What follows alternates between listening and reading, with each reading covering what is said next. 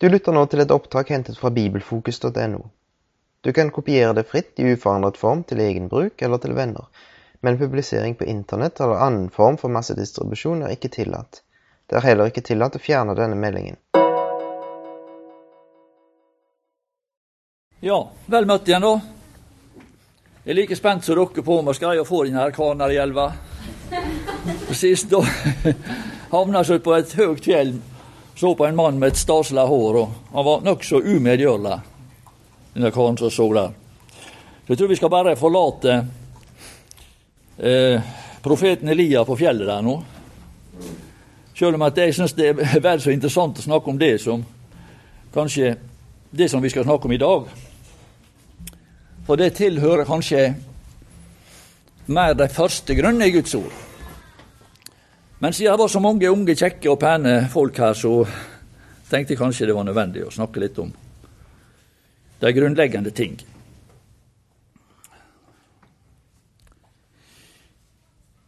Det som vi kan lese ut av denne teksten, det var det at den ugjenfødte, den uvaska Naman Han fikk ikke møte profeten. Han fikk ikke møte Kristus i oppstandelsen før han hadde kommet til elva og blitt rensa. Før han hadde gjort seg nytte av Kristi kors. Så var ikke veien til profetens ansikt åpna. Han fikk ikke foretrede, som det heter så fint, hvis du skal snakke med fint folk. Og slik er det også med den Herre Jesus. I vår synd får ikke vi foretrede på en måte for Han i hans residens før vi har møtt Han i fornedrelsen.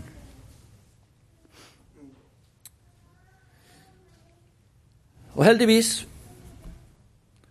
så er det slik at når han vil møte oss i sin residens, så vil han snakke med oss om andre ting enn synd og skrøpelighet og elendighet.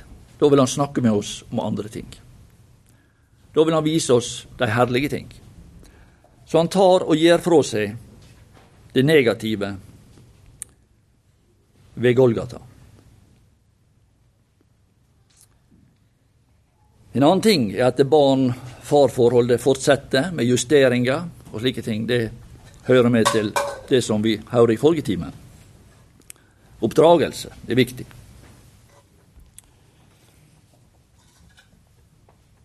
Men vi hører Naman ved døra der. Den småfurtende hærfører. Jeg tenkte. Ja, han gir ikke opp. Han holder på å tale. Og det den store Naman tenker, vet du, det er fryktelig viktig. Åh, tenk du jeg tenker. Vil ikke du høre på mine tanker?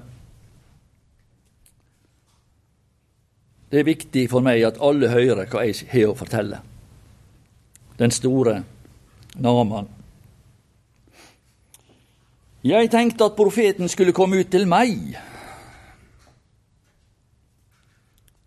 og føre sin hånd frem og tilbake over det syke sted og ta bort spedalskvitten.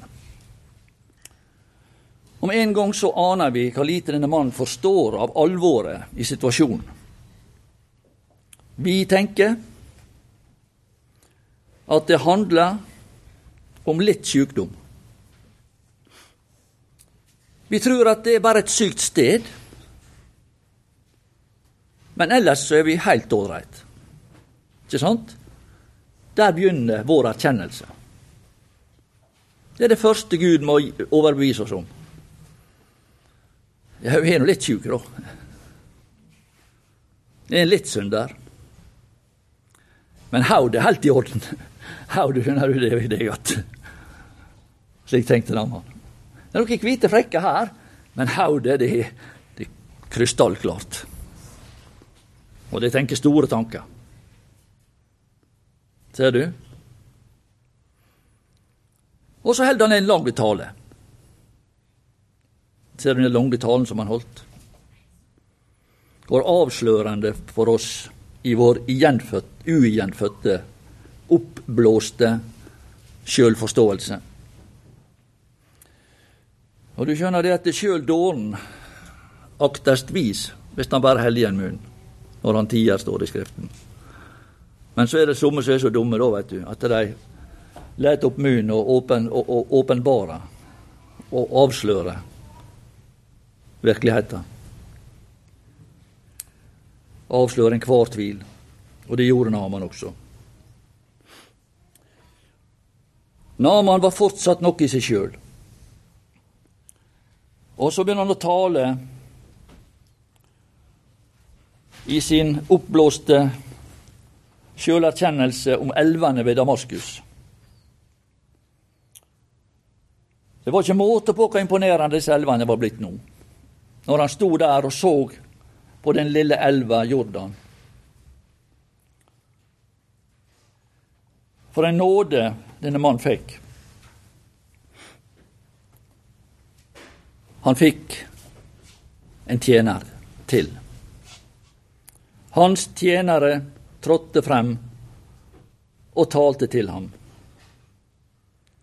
Ja, det var en stor nåde. Herren kosta på denne mann. Det står tre ganger om. Han fikk tre ganger nåde.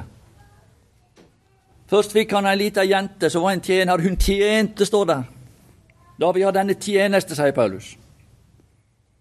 Han fikk ei lita jente inn i heimen sin som tjente. Hun tjente nå. Og var ikke bare var der. Var ikke bare var der, hun tjente, står der. Nå hos Namans hustru. Hun tjente. Hva, hvorfor er vi i denne verden? Veit vi hvorfor vi er her? Som òg gjorde oss duelige til å være tjenere for en ny pakt. Også det er tillegg til det å være frelst.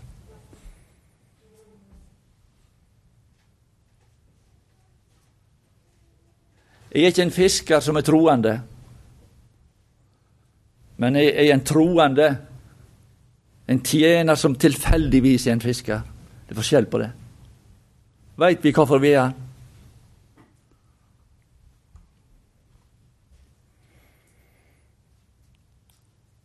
Ja, de fikk en solstråle inn i huset. En tjener. Hun tjente. Og så fikk han en tjener til. Han sendte ut en tjener, står det, som talte til ham. En dreng, en tjener, som kom ut i døra og talte til han. Gå og bad deg i Jordan. Og endelig så fikk han en tredje situasjon med en tjeneste. Men hans tjenere gikk frem til ham og sa til ham Og Paulus sier det at eh, 'jeg er eders tjener' for Jesus skyld. Og han sa en annen plass, 'Jeg har gjort meg til tjener for alle'. For alle. Det var ikke én han ikke bøyde seg ned for, slik som den Herre Jesus sjøl. Men jeg, sa Jesus, er en tjener iblant dere.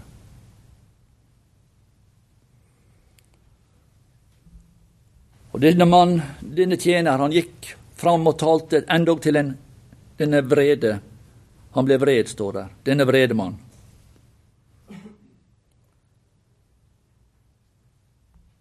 Og han sa dersom profeten hadde pålagt deg noe svært, noe stort Å, var det noe stort jeg kan gjøre? tenkte Naman. Er det noe stort eh, eh, eh, Dette, dette matcher meg. Er det noe stort jeg kan gjøre? Ja. Ville du da ikke ha gjort det? Jau, jau, jau, jau, kan jeg gjøre noe stort? Jeg har gjort så mye stort før. Den store Naman. Ville du da ikke ha gjort det?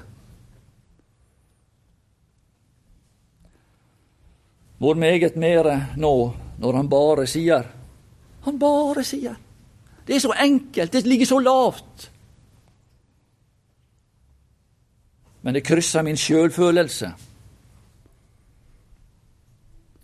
Bad deg, så skal du bli ren. Vår innbilte evne til å gjøre noe kolliderer med Guds enkle forordning, og det forteller meg egentlig. Vi kan ikke gjøre noe som helst for vår egen frelse. Ikke det minste. Formår i dag ikke engang det minste, sier Jesus.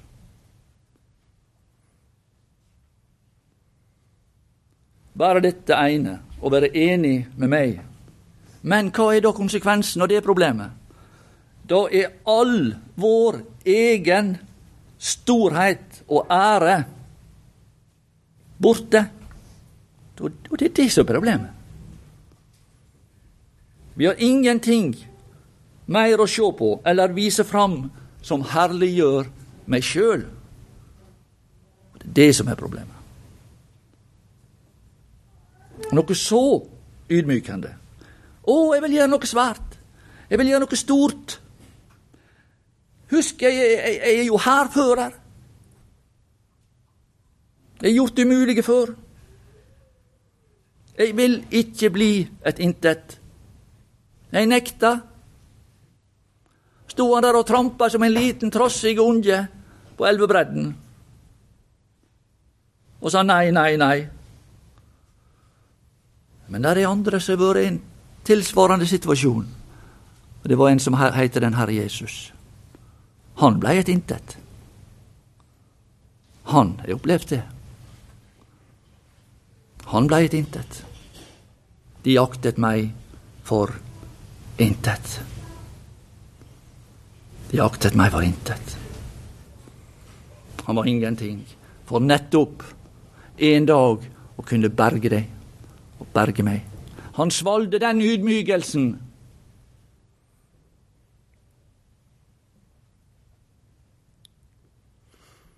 Han tok en tjenerskikkelse på seg, står det.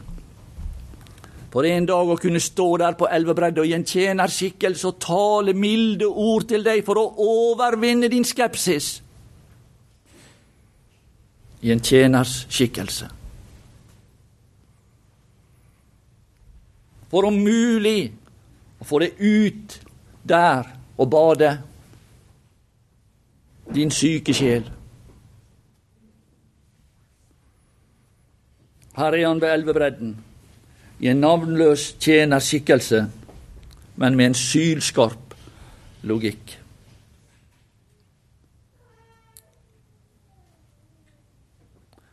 Da drog han ned, bokstavelig talt.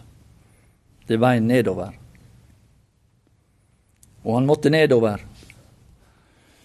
Og det er jo en, også en kuriositet, det rent geografiske her, at Jordan munner ut i verdens laveste innsjø. Det er jo et litt slik kuriost tilfelle. Han måtte klatre ut av den fine vogna si. Så måtte han ned på bakken. Så måtte alle klærne av. Og denne rike mannen, så sto han der i sola uten noen ting å skjule seg bak, og de lyse flekkene blir tydelige i sollyset. Han er i ferd med å komme til nullpunktet i sin sjølerkjennelse. Og vi kan sitere fra Isaias 64, vi ble som den urene. Og ordet der er det samme ord som den spedalske alle sammen. Og all vår rettferdighet, alle våre klær, all vår rettferdighet som et urent klesplagg, det som skulle, vi skulle skjule oss med.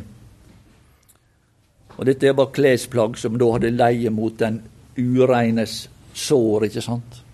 Et urent klesplagg, og som var besmitta av smitte. Som løve visnet vi alle sammen, og som vinden førte våre misgjerninger oss bort. Men dersom eh, det kanskje da var et lite fikenblad igjen å skjule seg bak, så forsvant også det når han nå til sist, ydmyka som han var, måtte ut i elva. Ser du det? Der flyter det stille og rolig bort. Og Naman forsvinner. Heldigvis for alltid. Han blir borte. For aldri egentlig mer å komme til syne. Han dukker seg der. Hva er den elva her? Den er et bilde. Selvfølgelig er det et bilde. Den er et bilde på den Herre Jesus igjen. Det som hendte der på Golgata. Dommen på Golgata. Og vi synger slik som i den sangen som Willy nevnte her, og i en annen sang som vi kjenner, hvor salig å få bade sin syke sjel deri, og bli fra syndens skade for evig lekt og fri. Antagelig vil jeg tro at denne sangen også har sin, sin eh, opp, sitt opphav, kanskje her hos i, i fortellinga om Nama. Men la oss være presise. Kristi død er ikke noen overfladisk behandling. Det er en fullkommen Tallet sju kommer inn her og taler om en fullkommen behandling. En fullkommen identifikasjon med ei fullkommen frelse. En fullkommen død, dom og undergang.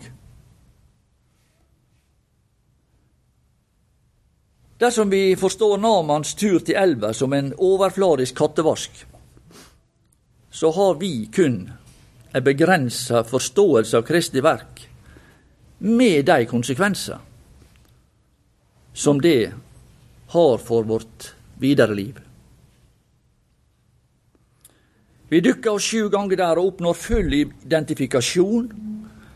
Vi gjør, vi gjør oss fullkommen til ett fullkommen til ett med Kristi død for oss. Og som elva førte det syndefulle mennesket bort i Kristi død, slik fører denne flod oss, oss, bort for alltid, sammen med fikenbladet og alt vårt syndige jeg. Hva taler elva om? Den taler til oss om Guds ubøyelige autoritet og krav til renhet og hellighet. En massiv, uimotståelig, fremveldende autoritet. Vi snakker om vannkraft, enorm energi av justis og rettferdighet, som feier over ende og tar med seg alt i sin vei. Men for oss, for oss, så blir det kun å bade der. Å dykke der. Og tro på det som hendte der. Daguds sønn gikk ned i elva med all spedalskhet og synd fra tidens morgen til evighetens begynnelse på seg. Og da sank han som en stein i dette vann. Han ble feid over ende og omkom i vannmassene. Ikke han sjøl, egentlig, og ikke som seg sjøl, men de som han var der i plassen for. Det var dei dommen gjaldt. Han gikk ikke ut i denne elv som seg sjøl. Han gikk der som synderen. Som deg, som meg, som slekta. Som den siste Adam Han avslutta Adams eksistens for Guds ansikt. Og dette er viktig. Sjøl var han den dag like rein som før. Hadde han bare hatt noe som helst personlig synd, kunne han ikke ha båret andre sine synder. Men Skriften våker nøyaktig og absolutt over den Herre Jesu Kristi renhet, som alltid. Han var hellig, uskyldig, ren, skilt fra syndere og opphøyet over himlene. Slik var han alltid. Og Derfor så kunne han alltid, det kunne han også denne gang, ved denne anledning, take andres synder. Og Jordans vann med all sin massive styrke feier han og oss alle bort Guds, fra Guds ansikt, for godt, for alltid. Så nå er denne elv, denne Jordans flod, blitt et sted å bade. Et sted å komme i kontakt med Kristus på. Et sted å få del i det han gjorde der. En måte å få del i Kristi død og verk på. Der Kristus døde. Til fastsatt tid, står der, for ugudelige. Og vi kan bare ta et uttrykk slik som det som vi siterte nå, fra Romerbrevet. Kristus, da Kristus døde til fastsatt tid for ugudelige. Og Legg merke til det at altså denne måten som, som, som eh, Skriften her uttrykker seg på Her er ingenting sagt om nytt liv. Her er ikke sagt noe om oppstandelse, barnekår osv. Vi har en tendens til å ville, som Naman, bagatellisere alvoret i situasjonen. Og der bor en liten Naman i oss alle.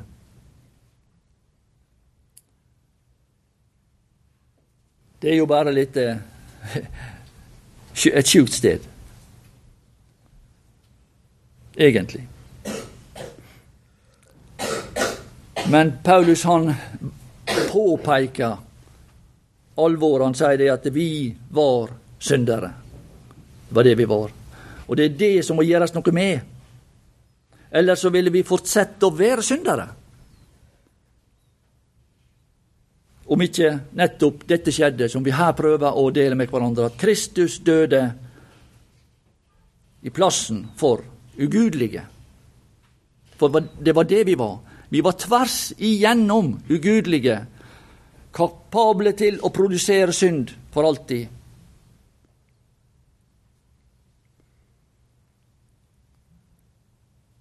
Mennesket, den enkelte av oss, så vel som heile slekta, heile Adams slekt, må faktisk talt rett og slett henrettast. Det er det som er saken. Vi må henrettast. Og vårt liv må avsluttast i Guds øyne. Det er det som er punktet. Det er det som er det viktige. At slekta må avsluttast i forhold til Guds regnemåte.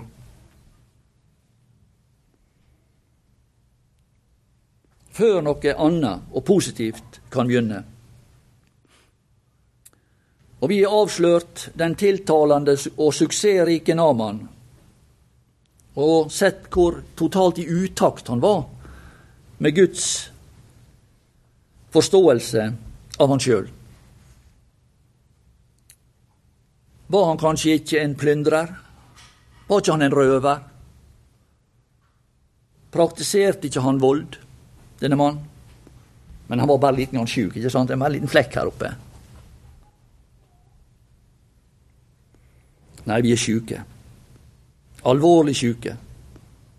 Og i Guds lys blir vi plutselig oppmerksom på fakta.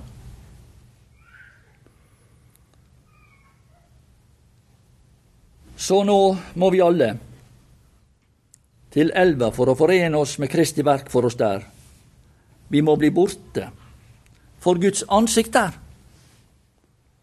Ellers så vil vi møte Han i samme uimotståelige karakter som denne elv viser oss ved en seinere anledning.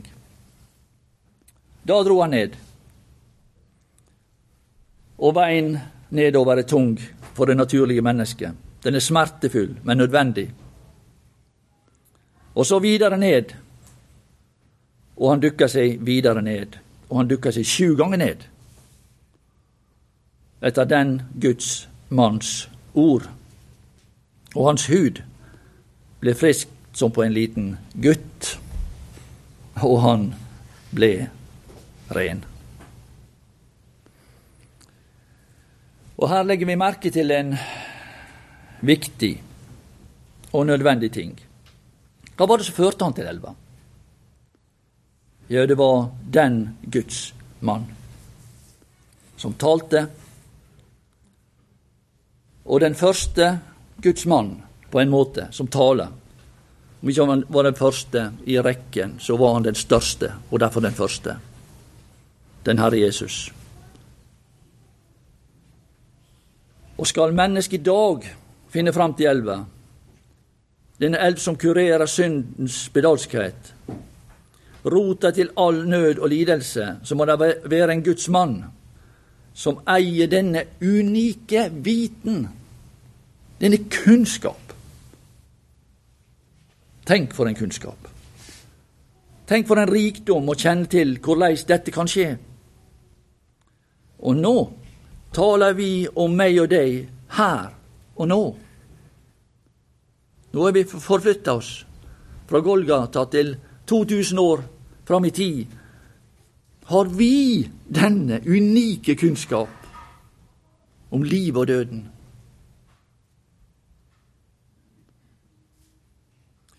Elva førte spedanskhetens plage bort fra Guds ansikt for 2000 år siden. Det er 2000 år siden at synden var et problem. Hemmeligheten om kuren, resepten, den har vi her og nå. Men har vi den? Har vi vasa den vekk?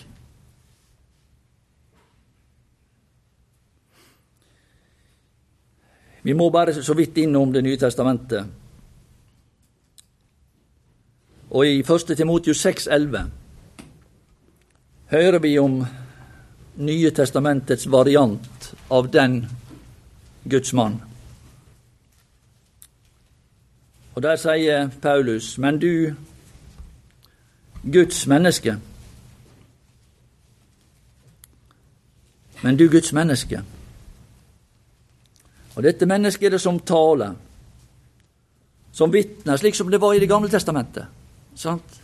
Den Guds mann. Og her møter vi den Guds mann igjen i Det nye testamentet. Du, Guds menneske.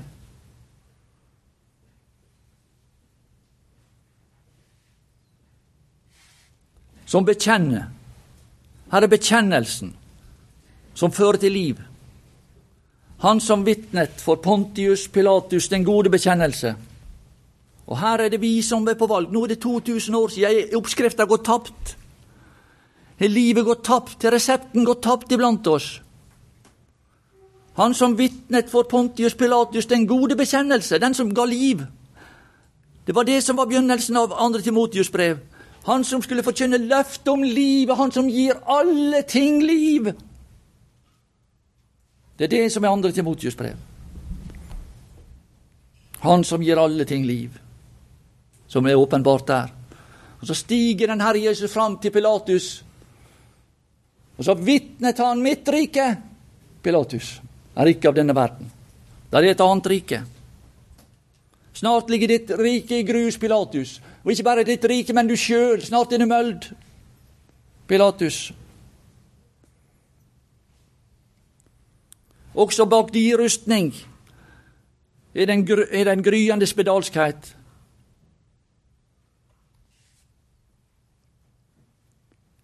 Nå er vi i vårsetting. Timotius, det må fortsette. Det må fortsette, du som har avlagt den gode bekjennelse. Her er hans bekjennelse om livet, om riket. Som den lille piken tilbake i første kongebok, andre kongebok fem. Hun som vitner bare min Herre var hos profeten i Samaria. Så skulle han Så skulle han fri ham fra hans spedalskhet. Og han som skulle fri han fra hans spedalskhet, han sto framfor denne sjøloppnevnte Pilatus, himmelens og jordens hersker, som en dag skal sitte på ei trone. Han sto framfor Pilatus og talte liv til han. Denne gamle dåre. Ser du? For en nåde denne mann fikk. Her er himmelens og jordens hersker sto butten og piska framfor framfor en gammel dåre, sjøloppblåst storhet, og talte det er et annet rike, Pilatus, skal ikke du flytte med meg inn der?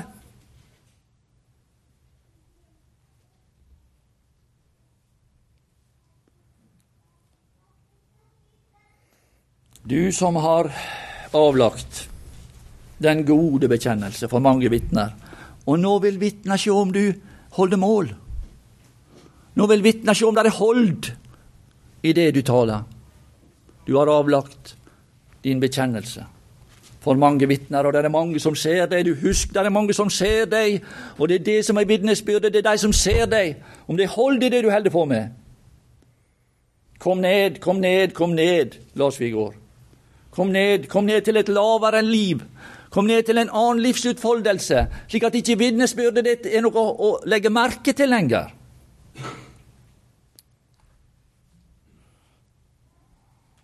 Og Det var det Paulus også fikk beskjed om på slutten. Kom ned, Paulus, ikke hold, stå, sitt så høyt der. Innta ikke tronen i Rom.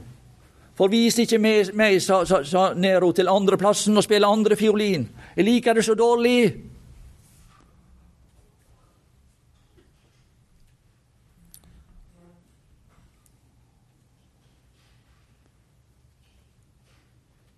Det er en offisiell sak. Dette er ikke det indre, skjulte liv. Når du kommer til Timotius brevet, da er det det offisielle liv. Det åpenbare liv.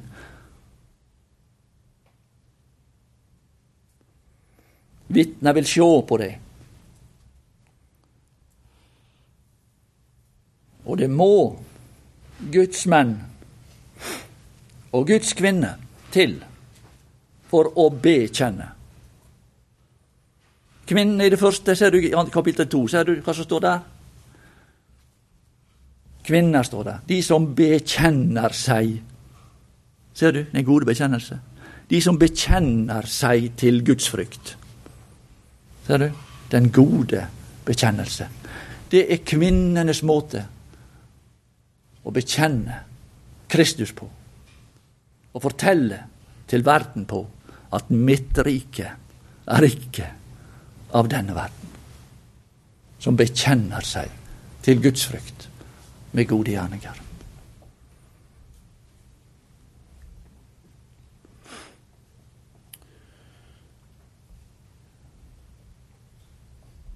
Og I vers 13 så hører vi da om Kristus Jesus,